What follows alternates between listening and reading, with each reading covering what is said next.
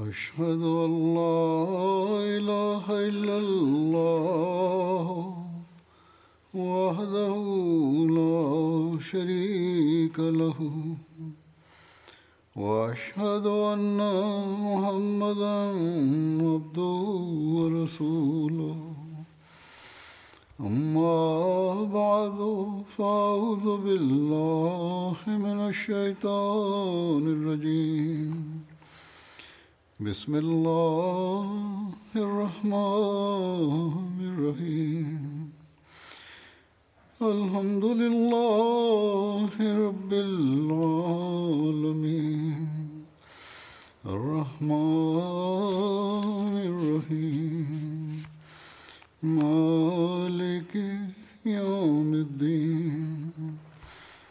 إياك نعبد وإياك نستعين. اهدنا الصراط المستقيم. صراط الذين أنعمت عليهم. غير المغضوب عليهم ولا الضالين.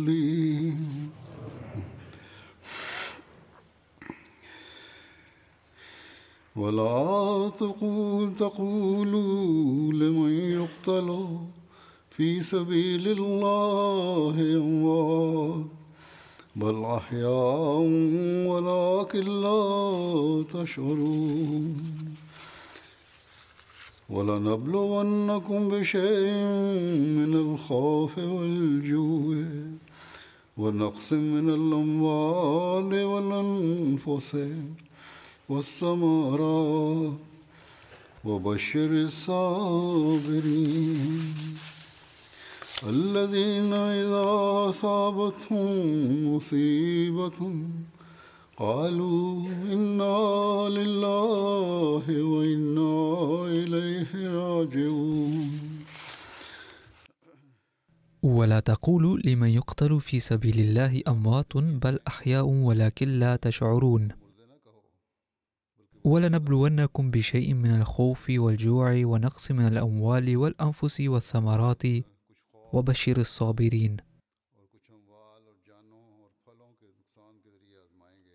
الذين إذا أصابتهم مصيبة قالوا إنا لله وإنا إليه راجعون.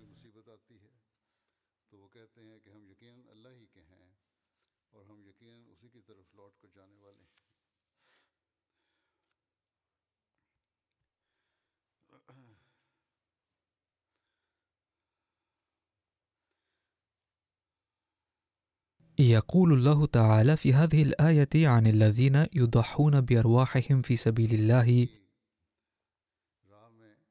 بأنهم ليسوا أمواتا بل هم أحياء تقدم في الجماعة الإسلامية الأحمدية تضحيات الأرواح في سبيل الله منذ أكثر من مئة عام فهل ضاعت تضحيات مقدميها؟ كلا بل قد ظل الله تعالى يرفع درجات هؤلاء الشهداء وكذلك ظل يهب الجماعة بحسب وعده تقدما أكثر فأكثر. فمن ناحية نال هؤلاء الشهداء في العالم الآخر مكانة كانت من نصيبهم وحدهم. وإن درجاتهم مرتفعة دائما. ومن ناحية أخرى لم يعد أسماعهم دائما في هذه الدنيا أيضا.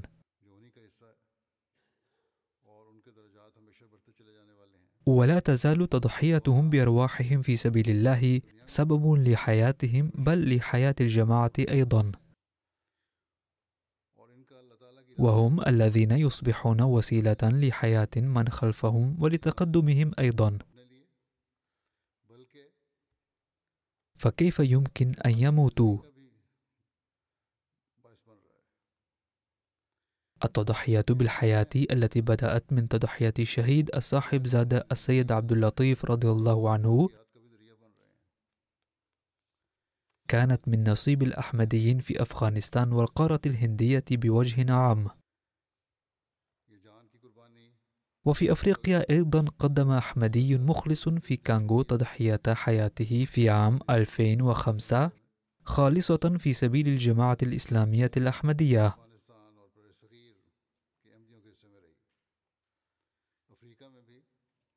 ولكن النموذج الزاخر بالعشق والوفاء والإخلاص والإيمان واليقين الذي أبداه الأحمديون مؤخرا في بوركينا فاسو أحد البلاد الإفريقية عظيم جدا بحيث لا نظير له.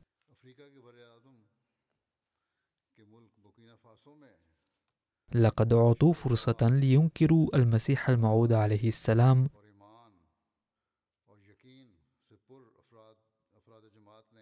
ويقبلوا أن عيسى عليه السلام موجود حيا في السماء وسينزل منها. وإن فعلوا ذلك لعوفي عنهم ونجوا بحياتهم. ولكن هؤلاء الناس الذين كانت قلوبهم مليئة بالإيمان والذين كان إيمانهم أكثر رسوخا من الجبال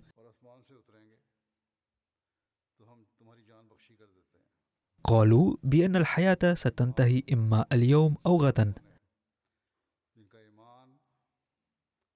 ولا نستطيع أن نراهن بإيماننا لإنقاذها اليوم. ولا نستطيع أن نترك الحق الذي وجدناه. وبالنتيجة ظلوا يضحون بحياتهم واحد بعد الآخر.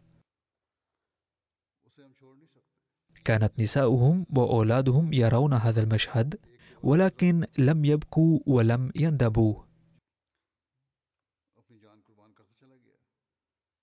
فقد كتب هؤلاء تاريخا جديدا بعد تضحية صاحب زاد عبد اللطيف التي قدمها في زمن المسيح الموعود عليه السلام لتضحياتهم في أفريقيا بل في عالم الأحمدية.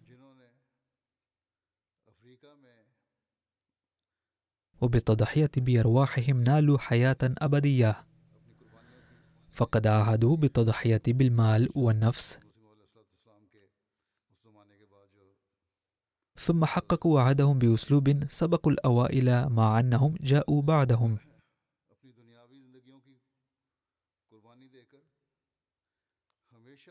ندعو الله تعالى أن يورث كل واحد منهم بشارات يعطيها الذين يقدمون تضحيات في سبيله. والآن سأذكر بإيجاز صوانع حياة هؤلاء الشهداء. ومنها تتبين قوة إيمانهم. في مدينة دوري في بوركينا فاسو تقع قرية أنشئت حديثا باسم مهدياباد وأسس فيها فرع الجماعة. وبحسب التفاصيل الواردة قتل في ساحة المسجد هناك تسع أحمديين على مرأى من الأحمديين الآخرين وقت صلاة العشاء في 11 يناير كانون الثاني بسبب عدم رفضهم صدق الأحمدية أي الإسلام الحقيقي.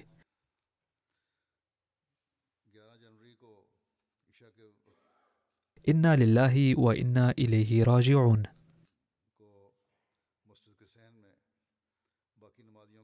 تقول تقارير إن ثمانية أشخاص مسلحين جاءوا إلى المسجد وقت العشاء راكبين أربع دراجات نارية.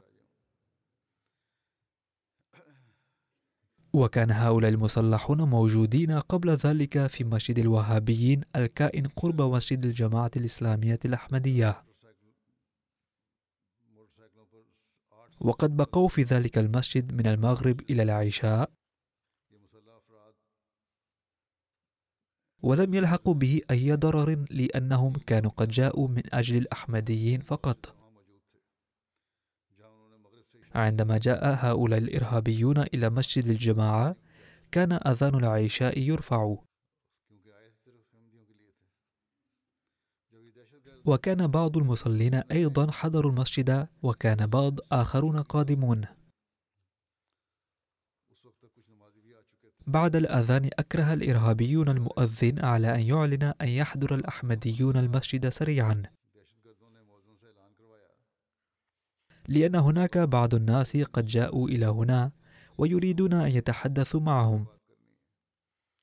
عندما اجتمع المصلون سأل الإرهابيون من هو إمام المسجد؟ قال سيد الحاج إبراهيم بديغة أنا الإمام في هذا المسجد. ثم سألوا من هو نائب الإمام؟ فقال السيد عمر عبد الرحمن أنا نائب الإمام. عندما حانت الصلاة قال الإمام الحاج إبراهيم للإرهابيين اسمحوا لنا بأن نصلي. ولكنهم لم يسمحوا لهم. طرح الإرهابيون عدة أسئلة على الإمام حول معتقدات الجماعة الإسلامية الأحمدية ورد عليها الإمام بكل هدوء وشجاعة. وقال بأننا مسلمون ونؤمن بالنبي صلى الله عليه وسلم. سأل الإرهابيون إلى أية فرقة تنتمون؟ قال الإمام ننتمي إلى الجماعة الإسلامية الأحمدية.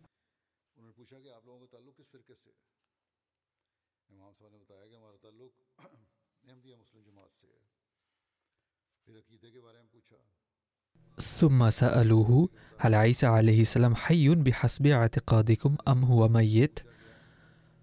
قال الإمام لقد مات عيسى عليه السلام قال الإرهابيون لا بل هو حي في السماء وسينزل منها ويقتل الدجال ويحل مشاكل المسلمين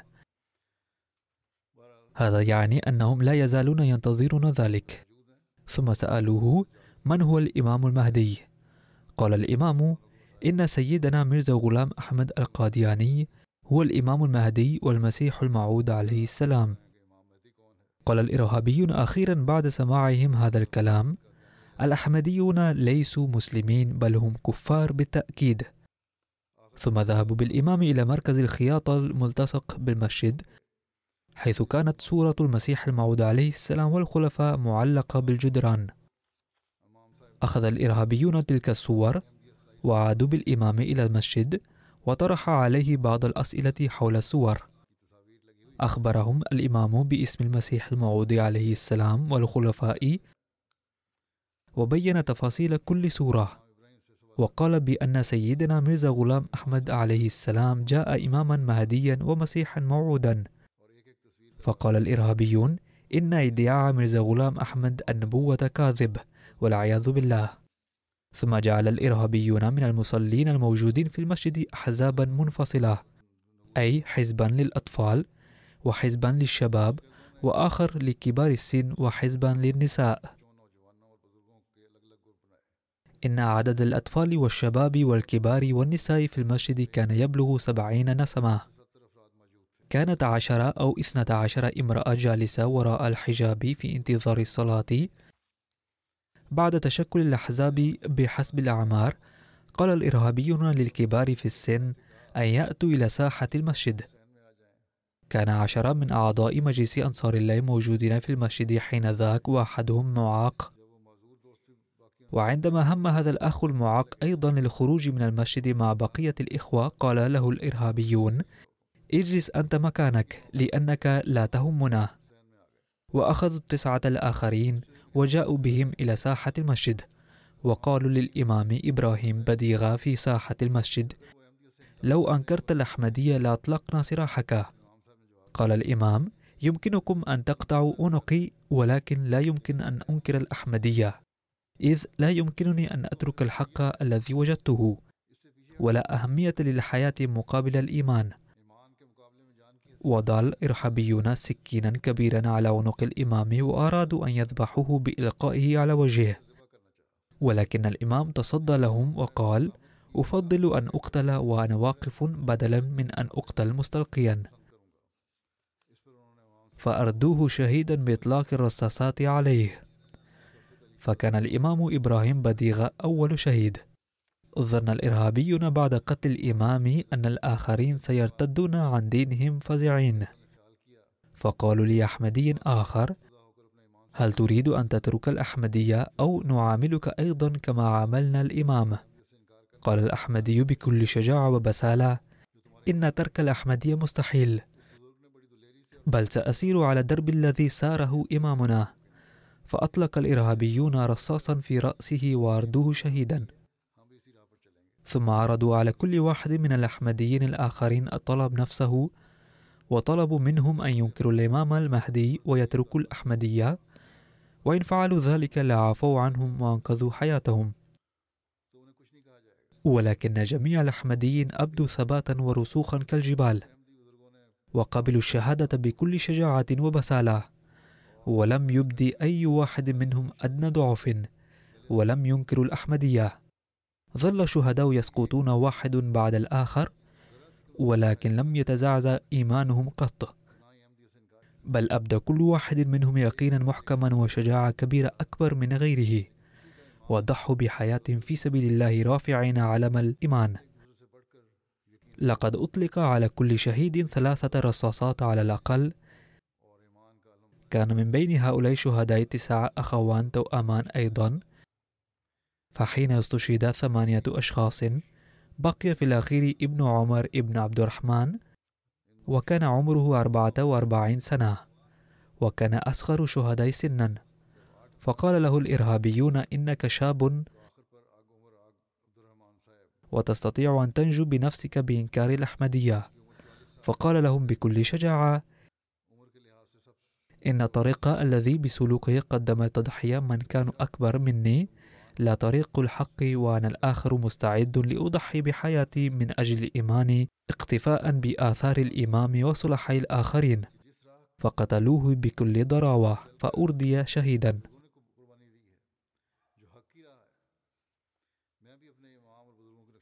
لقد كتب سيدنا المسيح الموعود عليه السلام على ذكر حضرة الصاحب زاد عبد اللطيف الشهيد في كتابه تذكرة الشهادتين رؤيا. وكتب بعد إيرادها إن الله سيخلق كثيرا من خلفائه حيث استنتج حضرته عليه السلام من رؤياه أنه يأمل أن الله عز وجل بعد شهادة الصاحب زاد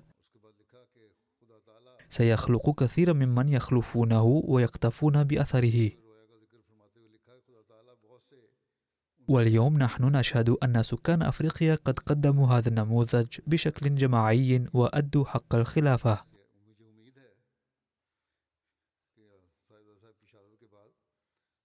من وصول الإرهابيين إلى المسجد ونقاشهم حول المعتقدات بالتفصيل وهذه العملية البشعة حتى خروجهم من هناك استغرق ساعة ونصف ساعة تقريبا.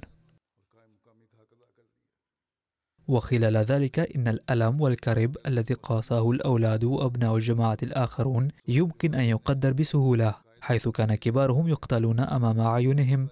وبعد الخروج من المسجد لم يهرب الإرهابيون المسلحون فورا بل بقوا مدة لا بأس بها في مهدياباد ثم هددوا الأفراد في المسجد أنهم إذا لم يتركوا الأحمدية أو حاولوا فتح المسجد من جديد فسوف يعودون ويقتلونهم جميعا. فالأفضل لهم أن يرتدوا عن الأحمدية. متى تأسس فرع الجماعة في مهدياباد فعن ذلك والتعريف بمهدياباد أود أن أقول لقد فتح هناك مركز الجماعة رسميا في نهاية عام 1998 ثم تقدمت الجماعة هناك بسرعة. وفي عام 1999 قبلت غالبية سكان قرية تكني ويل الأحمدية. وبذلك أقيم فرع مخلص للجماعة. وكان إمام تلك القرية السيد حاج إبراهيم بديجة أكبر إمام وهابي في تلك المنطقة. وكان إمام تلك القرية السيد حاج إبراهيم بديجة أكبر إمام وهابي في تلك المنطقة قبل انضمامه إلى الجماعة الإسلامية الأحمدية. وكان قد بايع بعد بحث طويل. وبعد البيعة برز بصفته داعية باسلا ومتحمسا وجنديا شجاعا. فكان قد قال عند المبايعة ردا على بعض العلماء الذين قالوا له لماذا تريد أن تقبل الأحمدية؟ فقال حين رأيت الذهب وقد سبق أمر الله عز وجل عنه وتحقق ما ورد في الأحاديث وشهد له القرآن الكريم فأن لي أن أرفضه وأبقى محروما. باختصار كان الإمام عالما كبيرا.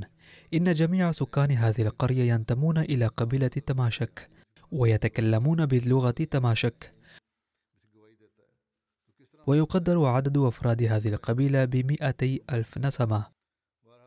فهم يقيمون في بوركينا فاسو ومالي ونيجر والجزائر وتسعة وتسعين فاصل تسعة منهم مسلمون. ومعظمهم يعتقدون بمعتقدات وهابية متطرفة. لم يقبل كثير من أفراد تماشك الأحمدية عموما. إلا أن سكان مهدياباد في بوركينا فاسو من تماشك قد سبقوا غيرهم في الإيمان بالمسيح الموعود عليه السلام. وأحرزوا لهم مقاما خاصا بعد تقديم هذه التضحية العظيمة. وفي عام 2004 تم اكتشاف مناجم كثيرة للذهب. فنقلت شركة تنجيم سكان القرية إلى مساكن جديدة بنتها لهم قريبا من تلك القرية. وكانت غالبية هؤلاء الذين انتقلوا إلى هناك أحمديين بالإضافة إلى بعض العائلات الأخرى. فكانت القرية جديدة وكانت للأحمديين تقريبا. فاقترح الإمام إبراهيم أن يسموها باسم جديد. فكتبوا إلي أن أسمي هذه القرية الجديدة فسميت مهدي أباد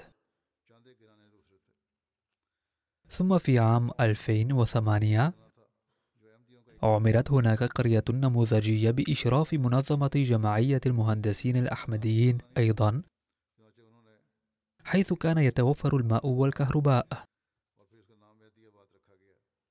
فكان هذا أول مشروع في بوركينا فاسو بل في العالم بأسره لبناء قرية نموذجية حيث تم توفير الكهرباء والماء وفتحت مدرسة الخياطة أيضا. عن دفن هؤلاء الشهداء كتبوا في تقرير كان الإرهابيون قد خلقوا أجواء الخوف والفزع ببقائهم في المسجد ساعة ونصف تقريبا. فبقيت جثامين الشهداء طول الليل في مكانها. لأنه كان يخشى أن الإرهابيين لم يخرجوا من القرية وإذا توجه شخص إلى جثامين لحملها فيقتل هو الآخر وكان بالقرب من القرية قاعدة عسكرية فتم إخبارهم ولم يأتي أحدهم ولا من دوائر الحرس والأمن. فدفنوا في الثاني عشر من يناير صباحا في مهدي أباد الآن أتناول تعريف كل واحد منهم بإيجاز. الحاج إبراهيم بديجة المرحوم الذي ذكرته آنفا. كان عمره وقت الشهادة ثمانية وستين عاما. وقد درس في السعودية وكان عالما كبيرا بلغة تماشك وكان مفسرا للقرآن الكريم بهذه اللغة. فقد بايع في عام 1999 وقبل قبوله الأحمدية كان كبير الأئمة في عدة قرى. وكان العلماء الآخرون من الإقليم يتشرفون بمجالسته واكتساب العلم منه. فكان العلماء والمعلمون والأئمة من الإقليم يأتون عنده كل سنة مرة واحدة على الأقل ويقيمون عنده وينالون الفيض منه. وأحيانا كان عددهم يصل إلى خمسمائة. وكانت إقامتهم لمدة أسبوع. ويمكن القول إن الاجتماع السنوي للعلماء والأئمة في الإقليم كان يقام عنده.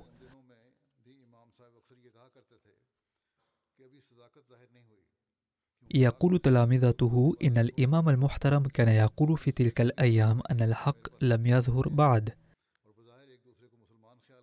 لأن الذين يقبلون الحق والصدق قليل. فكما يأتيني مئات العلماء ليجلسوا عندي وهم يعدون بعضهم بعضا مسلمين. وعندما سيظهر الحق سيبقى المؤمنون به قليلا. والذين يجلسون عندي الآن سينفضون عني. فكان عنده صلاح وورع وعلم لذا قد قدر نظرا للأوضاع أن الحق سيظهر. وبعده سيعارضه هؤلاء بحسب سنة معارضي الأنبياء. إذ كان قد قرر في نفسه أنه سيقبل الحق عند ظهوره.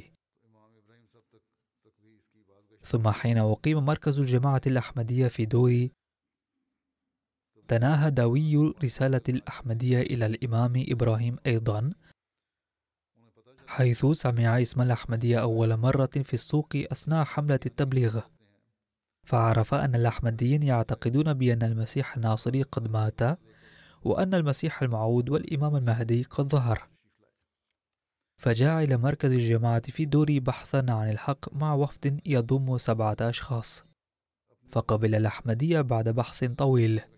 وكان له شرف أن يكون أول أحمدي في الإقليم. والجدير بالملاحظة أن ما يشيعه المعارضون أن الأحمديين يطمعون هؤلاء الفقراء الذين لا علم لهم بالدين. قد أفحمهم هؤلاء الشهداء حيث كانوا قد قبلوا الحق بعد الفهم ثم أقاموا أروع مثال للتضحية أيضا. باختصار قد كتبوا عن المرحوم إبراهيم أنه كان جنديا أحمديا لا يعرف الخوف فكان يدعو إلى الله بلا خوف وكان أحمديا مخلصا بكل معنى الكلمة. فبمساعه ودعوته انتشرت الأحمدية في الإقليم كله فأقيم عدد من فروع الجماعة كان سباقا في مشاركة برامج الجماعة وأنشطتها.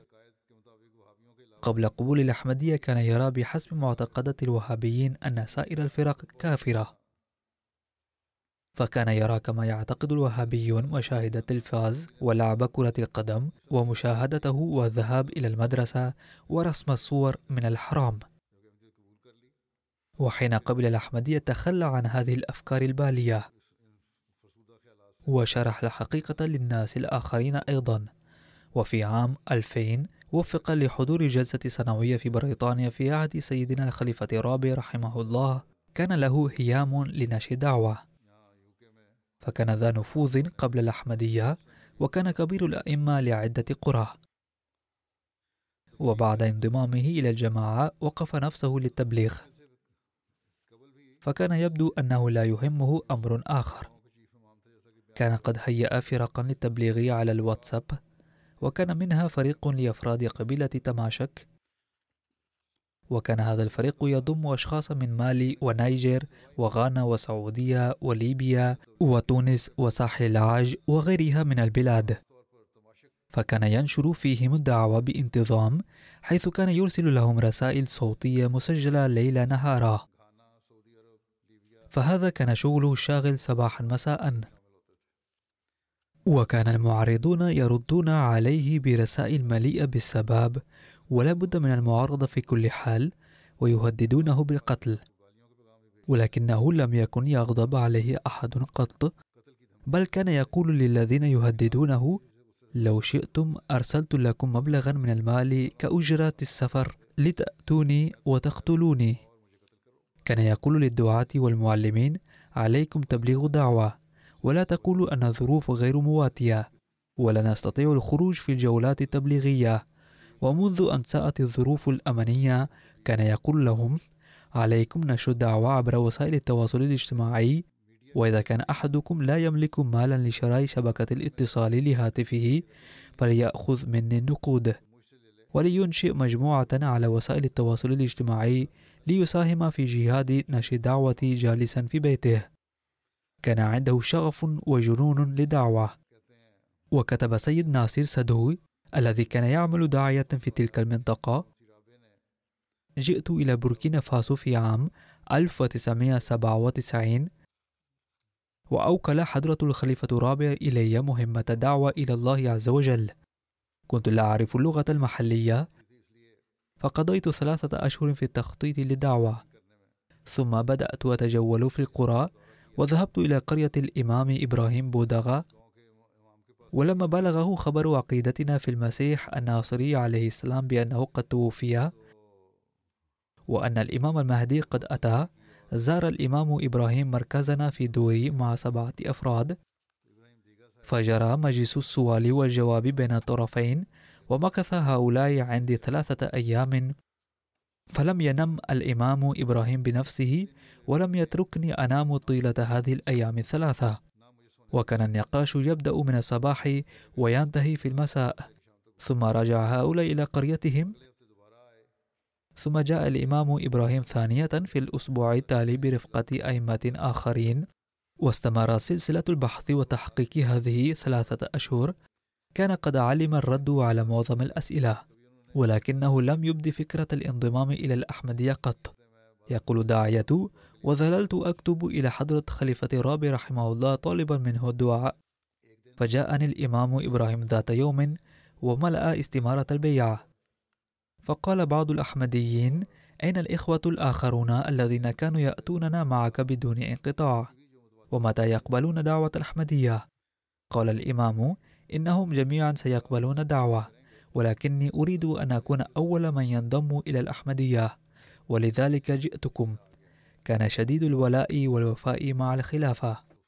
وكتب أمير الجماعة ببوركينا فاسو كانت حوالي أربعة قرى تحت نفوذ الإمام إبراهيم خلال إقامتي في السعودية لدراسة حج بيت الله عز وجل.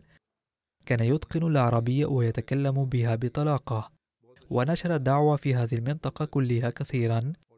كان يخرج على الدراجة إلى القرى وقد نور كثيرا من أهالي هذه المنطقة بنور الأحمدية بفضل الله عز وجل ودخل على يده في الأحمدية كبار علماء هذه المنطقة. وتأسست بدعوته معظم فروع الجماعة في هذه المنطقة.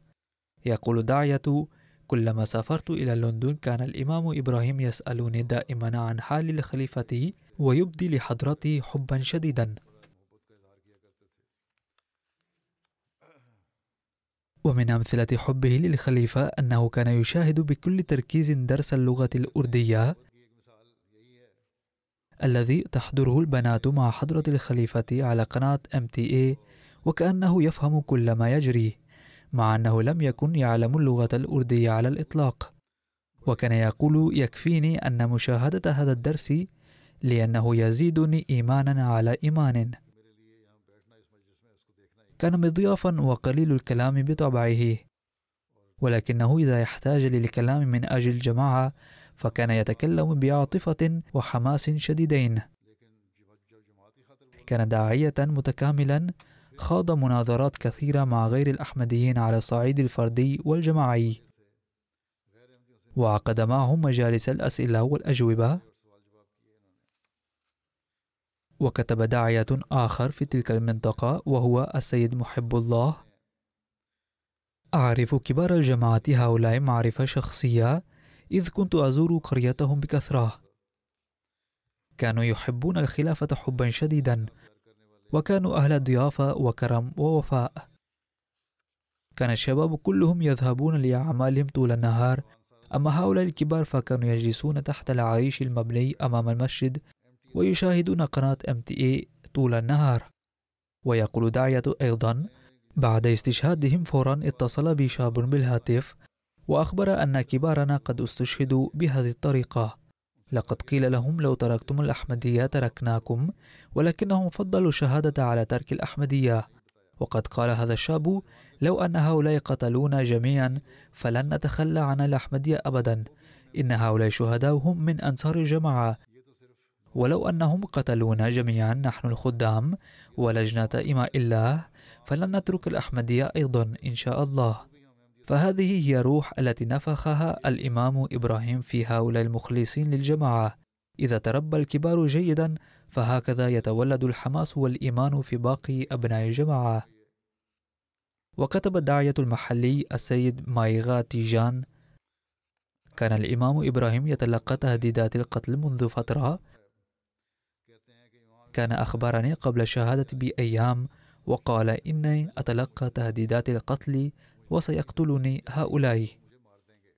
وكتب الداعية عن حسن خلقه كان يحسن معاملة أهله وأقاربه. ومن شمائله البارزة مواساة الناس والتضحية والإيثار من أجل الآخرين. كان من كبار شرفاء المنطقة وكان أهلها يكنون له احتراما كبيرا. لو أصدر قرارا أو قال شيئا احترمه الجميع وقبلوه. عدد تلاميذه كثير جدا وبعضهم يعملون كأئمة ومعلمين في بلاد مجاورة وكثير منهم يعملون معلمين ودعاة محليين في بوركينا فاسو أيضا. وأضاف داعية وقال كان الإمام إبراهيم قدوة للآخرين في الصلاح والتقوى والتسابق إلى الخير كلما دعا أفراد الجماعة إلى أمر بادر بالعمل به قبل الآخرين. ولو حث الإخوة على تضحية مالية ساهم فيها قبل غيره. لم يتخلف قط عن أعمال الجماعة واجتماعاتها ونشاطاتها الأخرى.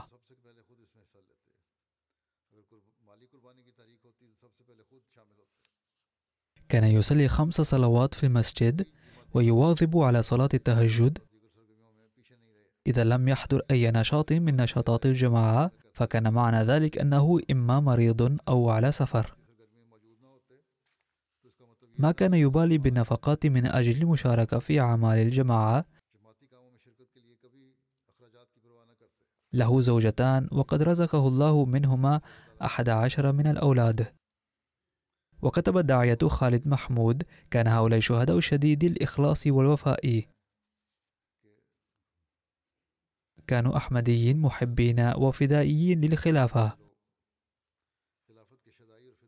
في عام 2008 عام يوبيل الخلافة قمت بجولة لغانا. وحضرت الجلسة هنالك فجاء للقاء آلاف الأحمديين من بوركينا فاسو ومالي وغيرهما. كانت جماعتنا في غانا قد دبرت للضيافة والسكن بشكل جيد.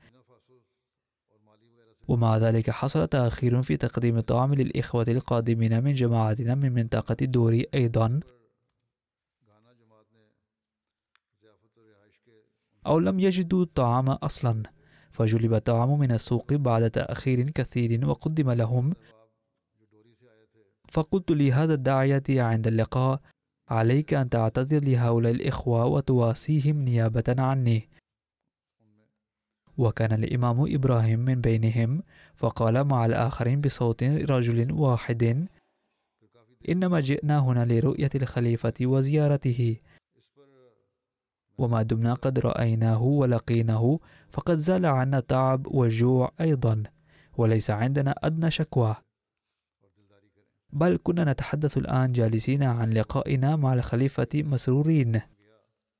وكنت قلقا بأن هؤلاء الإخوة قد جاءوا من مكان بعيد وأكثرهم جاءوا على الدراجات ولم يدبر لهم الطعام فسعينا لتدبير الطعام لهم فورا ولكن انظروا إلى إخلاصهم ووفائهم.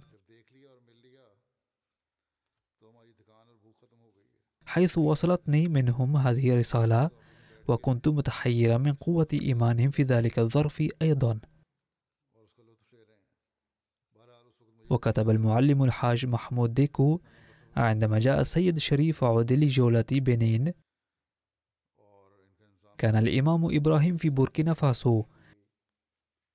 فجاء من هنالك في الحافلة مسافرا بالليل. ووصل إلى بنين في الساعة الثالثة صباحا بعد أن قطع مسافة ألف كيلومتر في سفر مرهق. استغرق ثلاثين ساعة.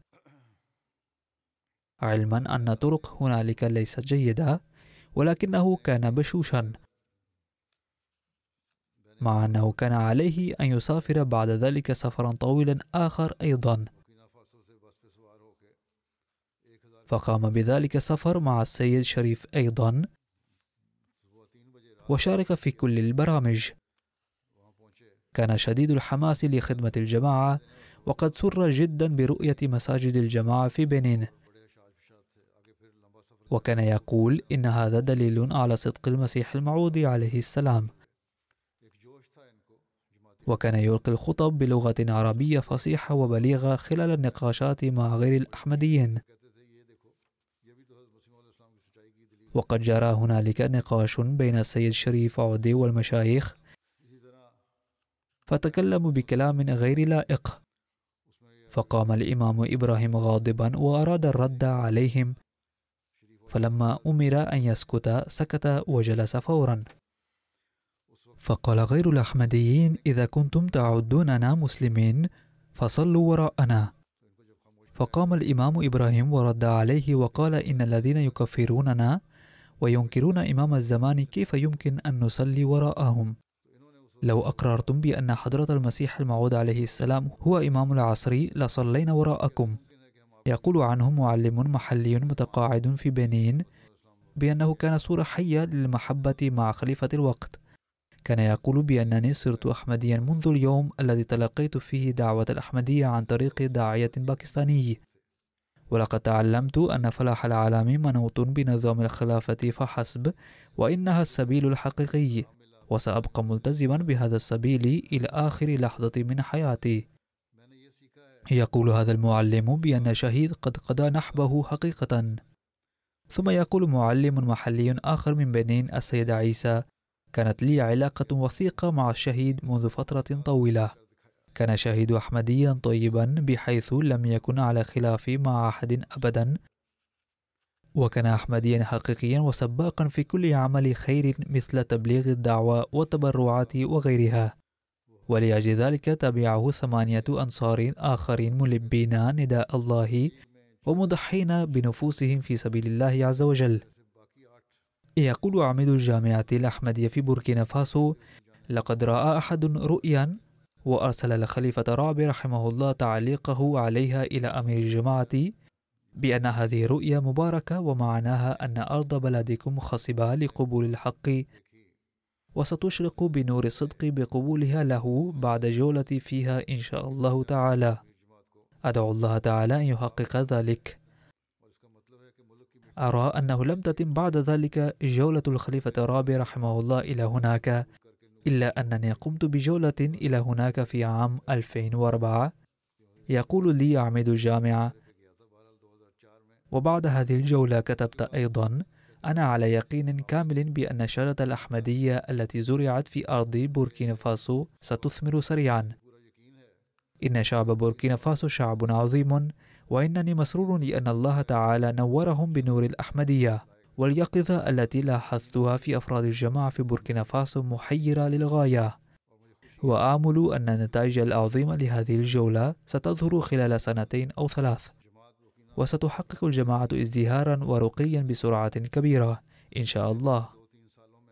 هذا الذي كتبت إليه بعد جولتي وقد لاحظت أمرا عجيبا في الأحمديين من بوركينا فاسو وهو يخصهم من بين فروع الجماعة في أفريقيا كلها. أي أن جميعهم كانوا يسعون إلى اللقاء معي وأن يعانقوني. ثم كان حبهم جديرا بأن يرى. كتب عميد الجامعة لقد صدق هؤلاء المخلصون من مهدي أباد بتقديمهم التضحية غير العادية. ما كتبتم أنهم حقيقة رجال عظماء. والشهيد الثاني هو السيد الحسن أغ مالي أيل. وكان عمره وقت الاستشهاد يناهز 71 عاما. كان يمتهن الفلاحة قبل الأحمدية في عام 1999 وكان من أوائل الأحمديين في قريته. كما كان ضمن وفد صحب السيد إبراهيم إلى دوري من أجل البحث في أمر الأحمدية. ومنذ أن بايع استمر في الرقي والازدهار في الإخلاص والوفاء. كان يرتبط بالخلافة بأواصر الإخلاص. كان مواظبا على الصلاة بالجماعة وعلى صلاة التهجد وعلى التبرعات وقد ترك بعده أسوة حسنة لأهله. وما قدمه من تضحية النفس والمال والوقت للجماعة لا هي تضحية غير عادية حقا. كان يتكلم أربع أو خمس لغات محلية في بوركينا فاسو مما وسع حلقة أحبائه لتشمل جميع فروع الجماعة في البلد. كان يختلط مع الوافدين للجلسة سنوية من جهات مختلفة بسبب معرفته لغاتهم وكان الناس يحبونه حبا كبيرا وكانوا يتمتعون بالجلوس في مجلسه.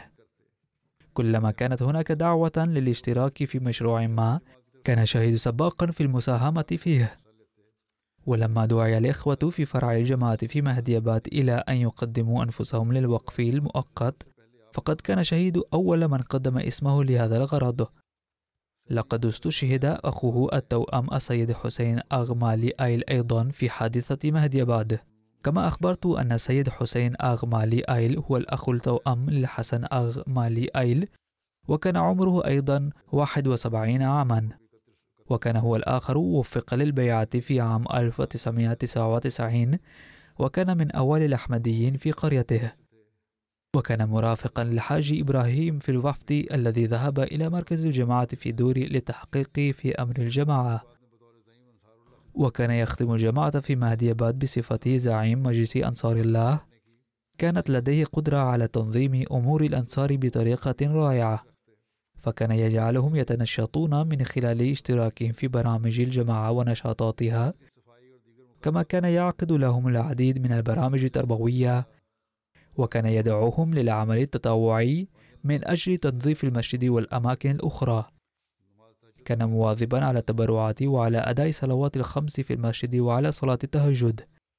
كما ذكر أن أخاه التوأم قد استشهد في حادثة مهدي بعد وهكذا فقد جاء الأخوان في هذا العالم معا في يوم واحد وغادراه معا في يوم واحد. الشهيد الآخر هو السيد حميد أغ عبد الرحمن وكان عمره 67 عاما. كان يمتهن الفلاحة وقد قبل الأحمدية في عام 1999 كان طيب القلب وحليم الطبع وكان يعد من الصف الأول في المشتركين في برامج الجماعة بحيث إذا لم يحضر أي برامج كان يظن بأن ظروفا طارئة أو مرضا حال دون حضوره وإلا ما غاب. كان شهيد معينا للإمام إبراهيم وكان ينصح أهله بالارتباط بنظام الجماعة والاشتراك في برامجها. كان يرتبط بالخلافة الأحمدية بعواصر الإخلاص والوفاء ويقضي كثيرا من أوقاته في المسجد بحيث كان يشاهد برامج الفضائية الأحمدية. وكان يواظب على الاستماع إلى خطبة الجمعة بكل تركيز وإهتمام. الشهيد الآخر هو السيد صلح أغ إبراهيم وكان عمره وقت الاستشهاد يناهز 67 عاما.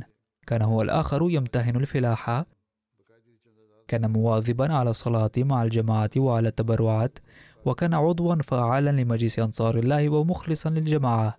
كما كان اليد اليمنى للإمام إبراهيم.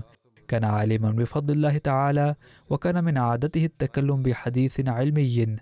كلما جرى نقاش علمي بين أعضاء مجلس أنصار الله وجد الشهيد فيه. كان حليم طبعي ونبيلا. كان من صفاته الحسنة المعاملة الطيبة مع كل صغير وكبير. إذا رأى بين الراغبين في الاشتراك في الجلسة السنوية أو الاجتماعي من لا يملك نفقات السفر أو ينقصه شيئا منها فإنه كان يساعده من عنده ليشترك هو الآخر. كان من الصعب في هذه الأيام الخروج من منطقة دوري. والسفر منها إلى مناطق أخرى كان يتطلب همة كبيرة لأن الإرهابيين منتشرون في كل مكان وقد بثوا الرعب في المنطقة كلها.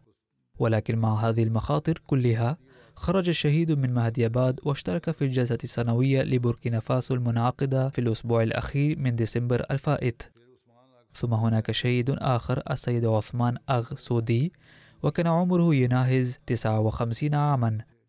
وكان أحمديا مخلصا ومضحيا حيث كان يقوم بالتضحية بالمال والوقت للجماعة وفي النهاية وفقه الله تعالى للتضحية بحياته أيضا.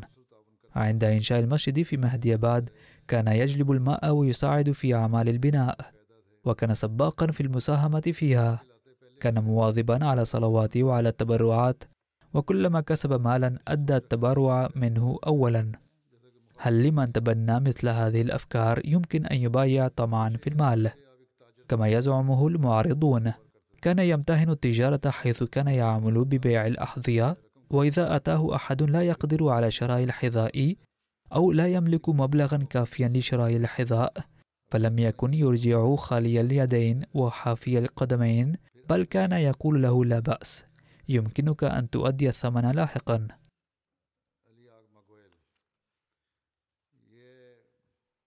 والشهيد الآخر هو السيد أغ علي أغ مغويل ولد في عام 1970 وبايع مع والده في عام 1999 كان يمتهن الفلاحة وكان مؤذنا في مسجد الجماعة في منطقة بيلاري فلما اضطر قبل فترة قصيرة لمغادرة قريته جراء وطأة الإرهاب فقد انتقل إلى مهديباد وسكن فيها.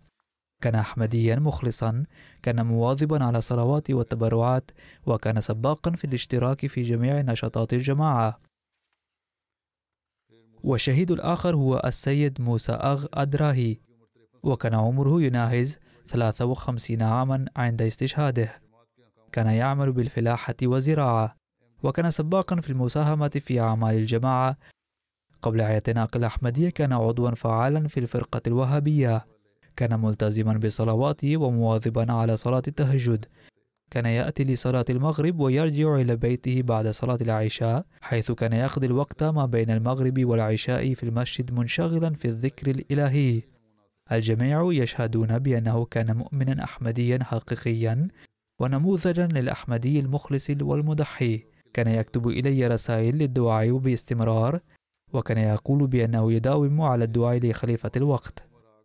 والشهيد التاسع هو أغ عمر أغ عبد الرحمن وكان عمره يناهز 44 عاما وقت استشهاده وهو أصغر سنا من بين هؤلاء الشهداء كما ذكر.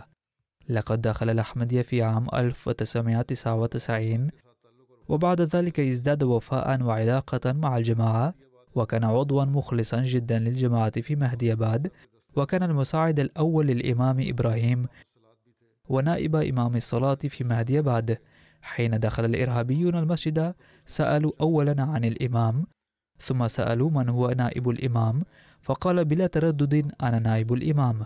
كان من الذين يأتون المسجد أولا دوما وكان يؤدي الصلاة بغاية من التضرع والخشوع ويلتزم بصلاة التهجد ويأتي المسجد بأولاده أيضا ويهتم بتربيتهم ويراسلني بالمواظبة. وكان ماهرا في قيادة الدراجات الهوائية ويقطع عليها مسافات طويلة في المنطقة كلها. وحضر اجتماع خدام الأحمدية أربع مرات على دراجتي بقطع مسافة 265 كيلومترا من دوري إلى واغادا.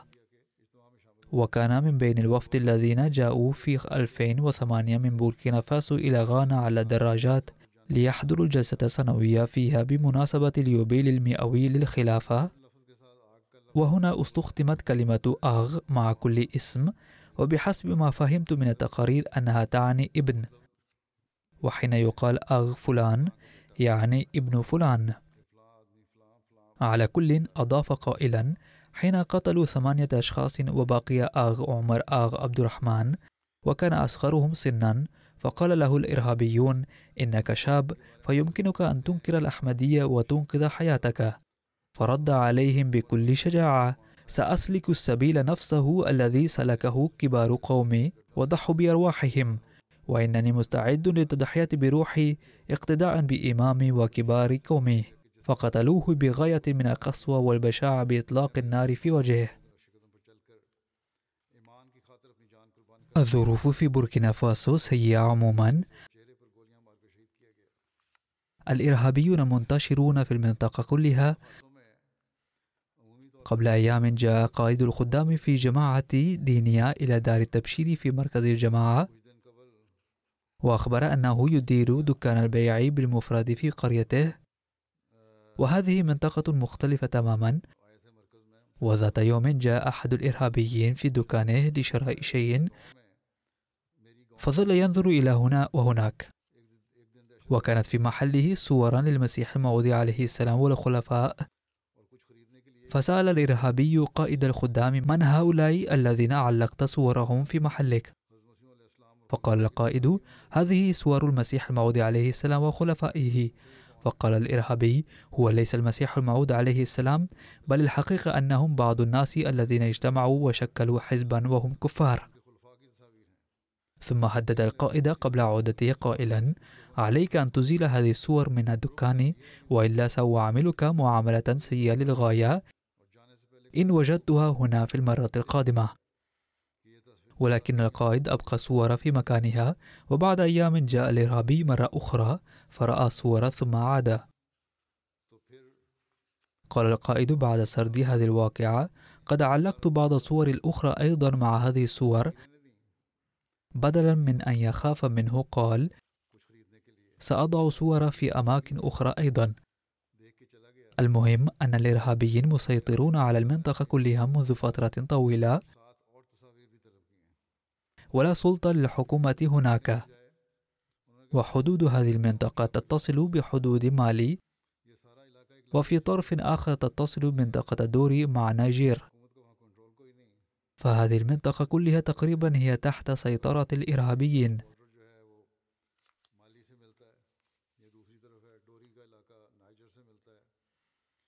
باختصار هؤلاء الشهداء هم نجوم الأحمديين وتركوا لمن خلفهم نموذجا عظيما. ندعو الله تعالى أن يزيد أولادهم وأجيالهم أيضا إخلاصا ووفاء. يحسب العدو أنه بهذه الاستشهادات سيقضي على الأحمدية في هذه المنطقة ولكن الأحمدية سوف تنمو وتزدهر أكثر من ذي قبل هناك بفضل الله عز وجل. على المسؤولين وعامل الجماعة هناك أن يرسموا خطة التبليغ بحكمة كما يجب أن يطمئنوا هؤلاء الناس. ألهم الله ذوي الشهداء الصبر والصلوان. ووفقهم لإدراك أهمية الهدف الذي من أجله ضحى كبارهم بأرواحهم. باختصار علينا أن نعمل هناك بحكمة وبتخطيط. وقد قلت للمسؤولين سلفا أن يذهبوا هناك. ولتسديد حاجات أسر الشهداء ولتحقيق الاكتفاء الذاتي لها. قد أنشأ الخليفة الرابع رحمه الله صندوقا باسم صندوق سيدنا بلال رضي الله عنه ومنه ينفق على أسر الشهداء وبعد هذه الواقعة يرسل أفراد الجماعة والتنظيمات الفرعية للجماعة وبعض فروع الجماعة أيضا بعض المبالغ إلى المركز لتسديد حاجات ذوي هؤلاء الشهداء. مع أن صندوقا قائم لهذا الغرض لذا يجب على الجميع أن يدفعوا ما يريدون في صندوق سيدنا بلال رضي الله عنه.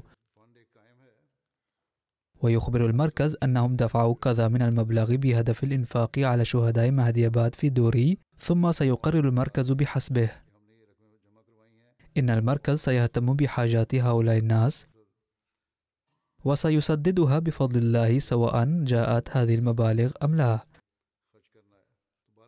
ولكن الذين يريدون أن يدفعوا فعليهم أن يدفعوا في هذا الصندوق. وهذه ليست منا على أسر شهداء بل من واجبنا أن نهتم بهم ونلبي حاجاتهم. وفي الأخير أريد أن أقرأ مقتبسا لحضرة المسيح الموضع عليه السلام حيث قال لا تظنوا أن الله تعالى سوف يضيعكم؟ أنتم بذرة بذرها الله تعالى في الأرض بيده. يقول الله تعالى إن هذه البذرة سوف تنمو وتزدهر وتتفرع في كل طرف ولا سوف تصبح دوحة عظيمة إن شاء الله. فطوبى لمن يؤمن بقول الله تعالى ولا يخاف الابتلاءات العارضة لأنه لا بد من الابتلاءات أيضا لكي يختبركم الله. فهؤلاء الشهداء نجحوا في هذا الامتحان والآن هناك امتحان التقدم في الإيمان واليقين لمن خلفوا ندعو الله تعالى ليوفقهم وإيانا أن نظل ثابتين على الإيمان واليقين الكامل. وأن يرفع الله درجات هؤلاء الشهداء دوما ويجعل تضحياتهم تثمر وتزهر بحيث نرى انتشار رسالة سيدنا محمد صلى الله عليه وسلم الحقيقية في الدنيا عاجلا غير آجل. وأن يزول الجهل من الدنيا وأن تقوم فيها ملكوت الله الواحد الحقيقية. وإضافة إلى هؤلاء الشهداء الذين سأصلي عليهم بعد صلاة الجمعة والعصر أريد أن أذكر مرحومين آخرين منهما الدكتور كريم الله الزيروي ابن الصوفي خدا بخش زيروي من أمريكا الذي توفي في 4 يناير كانون الثاني عن عمر يناهز ثلاثة وثمانين عاما.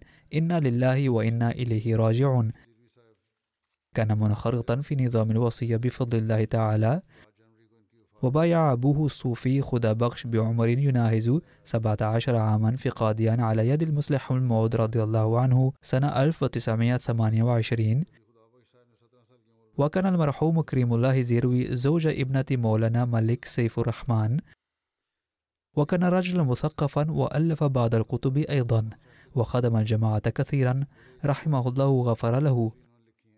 والذكر الثاني لزوجته السيدة أمة اللطيف الزيروي. وهي أيضا كانت تقيم في أمريكا. وهي ابنة مولانا ملك سيف الرحمن. توفيت في 6 يناير كانون الثاني بعد يوم من وفاة زوجها. عن عمر يناهز 78 عاما. إنا لله وإنا إليه راجعون. كانت المرحومة منخرطة في نظام الوصية وكما قلت كان أبوها مولانا ملك سيف الرحمن وأمها السيدة رشيدة شوكت التي خدمت الجماعة بصفتها رئيسة التحرير لمجلة مصباح في ربوة. ولدت المرحومة في قاديان وكانت مثقفة تحب العلم. وكانت حائزة على شهادة الماجستير في العلوم وخدمت الجماعة أيضا رحمها الله تعالى وغفر لها. كتب أخوها ملك مجيب الرحمن عن أخته وزوجها. كانا زوجين متحابين وتحملا مشاق كثيرة ولكنهما لم يشتكيا لأحد ولم أرهما يقولان عن أي شخص كلاما سلبيا. وكلاهما كانا متبحرين في العلم. وكان يحبان الجميع ويهتمان بكل شخص إلى آخر لحظة من حياتهما وعاشا حياة رائعة مفعمة بالحيوية بفضل الله تعالى. وكانا إنسانين مؤثرين إيجابيا في من حولهم. غفر الله لهما ورحمهما.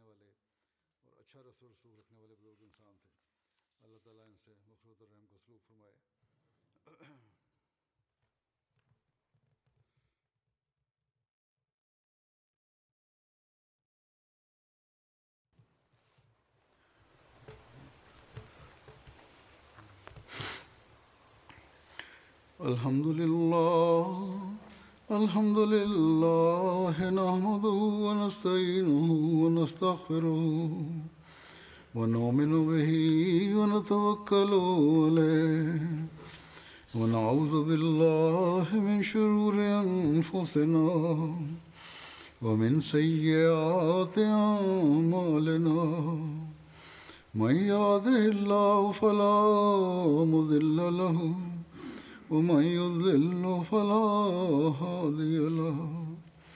ونشهد أن لا إله إلا الله. ونشهد أن محمدا عبده ورسوله. عباد الله رحمكم الله.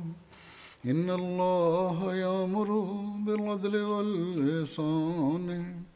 وإيتاء ذي القربى وينهى عن الفحشاء والمنكر والبغي يعظكم لعلكم تذكرون. اذكروا الله يذكركم وادعوه يستجب لكم ولذكر الله أكبر.